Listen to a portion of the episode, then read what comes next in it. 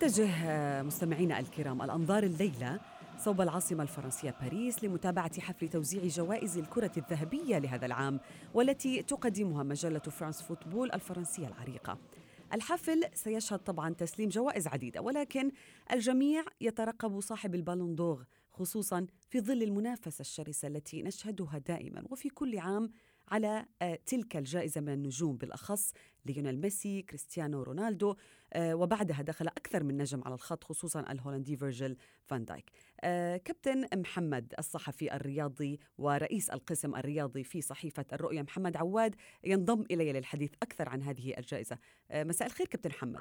مساء الخير كابتن محمد قبل أن ندخل في توقعاتك أو نسألك من الأحق أو الأقرب والشائعات والتسريبات أريد أن أناقش معك مصداقية فرانس فوتبول في منح جائزة الكرة الذهبية. التصويت على هذه الجائزة يعتمد على تصويت الصحفيين التابعين للصحيفة هذه حول العالم. لذلك يرى الكثيرون أنها الجائزة الأكثر صدقا في العالم لأن عملية التصويت تكون من أشخاص مختصين. هل تؤيد؟ في الحقيقة كانت عبر السنوات طويلة دائما الرأي الصحفي أفضل من الرأي اللاعب أو رأي المدرب. نتيجة المتابعة والمراقبة وفي أكثر من دليل أنه اللاعب كرة القدم المحترف غير متابع كرة القدم مثل الصحفي. يعني أكثر ليس هناك نعم. أوضح من صورة أن فيرون يوما ما تفاجأ بأنه ريان جيجز من الويلز وليس من بريطانيا من إنجلترا. يعني كانت هذه صورة واضحة مع أنه بنفس الفريق في مان يونايتد. إيه، فهذه بتورينا زاوية مختلفة. الفكرة أنه نعم كانت هكذا في الماضي لكن الآن أنا أعتقد الجميع تساوى. الجميع تساوى أمام طوفان ال social media بشكل عام. أصبح كان في الماضي الصحفي يصنع الرأي العام ثم أصبح صانع القرار. نعم. الآن لم يعد كذلك للأسف. يعني نحن اعلاميين ونعرف نعرف أن ال social media هي طوفان توجهنا حتى لو اعتقدنا غير ذلك. يعني هي توجهنا يمينا ويسارا وأكثر من حدث يؤكد ذلك، الان أصبحت ال social media هي التي تبدأ هي التي تصوت فعليا. من الأفضل في العالم؟ هي من تصنع القناعة العامة م. الذي يتأثر بها الصحفي فيصوت والذي هي تؤثر يعني على رأي الصحفي باللاعب. طبعا طبعا. لأنه إذا ذهبنا إلى الماضي عندما كانت الجائزه موحدة بين الفيفا و Ballon d'Or كان دائما رأي الصحفي مختلف عن رأي اللاعب والمدرب. تشعرين إنه مركز أكثر. م. يعني مثلا تجدين ريبري يفوز ب 2013 حسب الصحفيين بتصويت فيفا لكن رونالدو يفوز بتصويت اللاعبين والمدربين. م. الآن أصبحوا جميعهم نفس النتيجة وهذا ما ما ما دفع الجميع لأن يقول بأن أيضا ميسي كما توج ب The Best سيتوج بجائزة الكرة الذهبية. الآن حالة هذا الموسم صراحة هي حالة خاصة، يعني حالة خاصة لريال ميسي، هي ريال ميسي على المستوى الفردي هذا الموسم باستثناء الشوط الثاني مع ليفربول، نتكلم عن شوط واحد فقط. هو الشوط الأول لعب جيدا ووضع لاعبيه أمام المرمى. لكن الشوط الثاني فقط أمام ليفربول ميسي قدم موسم خارق للعادة ككرة قدم كلاعب فردي. فهو بالتأكيد أفضل لاعب في العالم على المستوى الفردي، المشكلة أن ليفربول أحرز دوري الأبطال. فقط. لو ليفربول لم يحرز دوري الأبطال لكان الأمور محسومة. يعني لو ليفربول خسر مع توتنهام نتكلم عن 90 دقيقة. لو جاءت الكرة اللي صدها آه، أليسون في الدقيقة 75 لو تغير كل شيء. لكن ليفربول فاز. نعم لكنه فاز. لكن هل فعليا لو جينا دخلنا بالتفاصيل هل فعليا كان فان دايك هو اللاعب الأهم طوال الموسم؟ صراحة لا. ليفربول تناوب على حمله هذا الموسم خمسة أو ست لاعبين. ولكن ألا يستحق جائزة من الجوائز الفردية هذا العام؟ غير أنه هو أفضل, أفضل لاعب هو أفضل مدافع بالعالم. أنا أعتقد نعم. دائما المدافع ولاعب الوسط والظهير وكل هؤلاء اللاعبين مظلومين. أنت لاحظي حتى لم يعد هناك مهاجم صريح يفوز. أصبح لابد عندك شوية مهارة وتسجل أهداف أيضا. فبالتالي المسألة أصبحت فيها ظلم للجميع. أنا أعتقد ربما الحل طويل الأمد أن ننهي فكرة أن هناك أفضل لاعب في العالم يبقى هناك هذه الجائزة.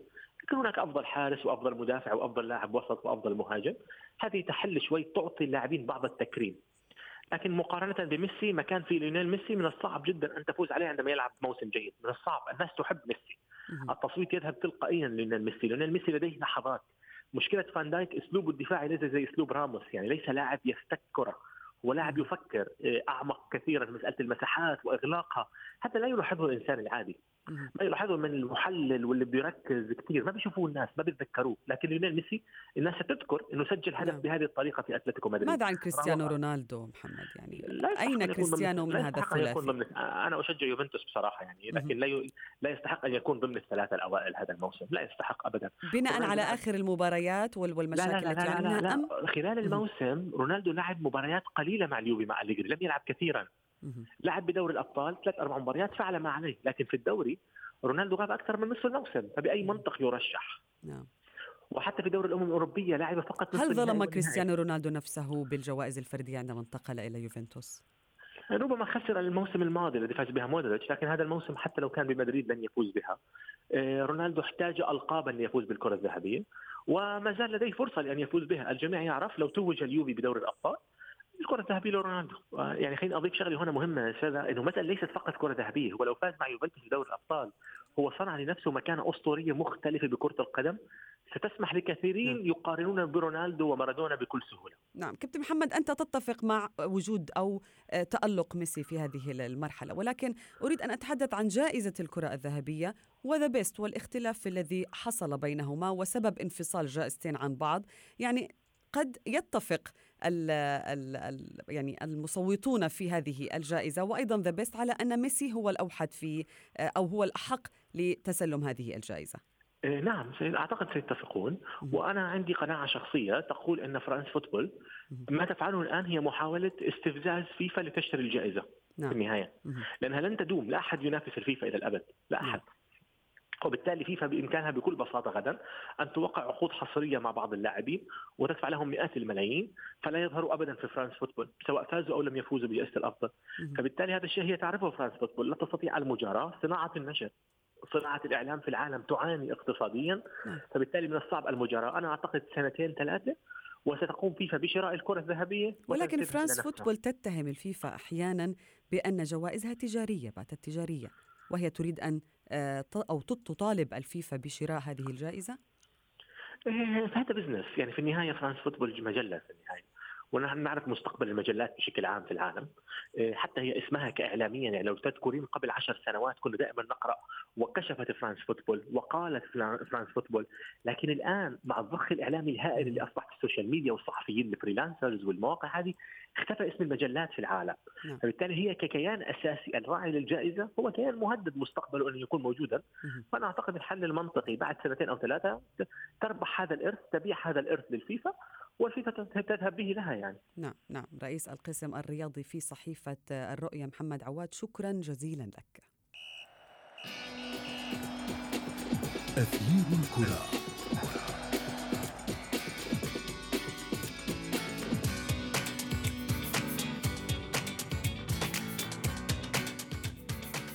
وصلنا بكم مستمعينا الكرام إلى فقرة ما لا تعرفونه عن كرة القدم وفيها نستغل الفرصة لكشف حقائق مثيرة عن الأسطورة والقناص السعودي ياسر القحطاني الذي لعب بالأمس مباراة تاريخية كانت مسك الختام لرحلة كروية عامرة بالعطاء والأهداف والذكريات المميزة سواء مع الأندية التي لعب فيها أو الأخضر الذي خاض معه القحطاني 112 مباراة دولية سجل فيها 45 هدفاً.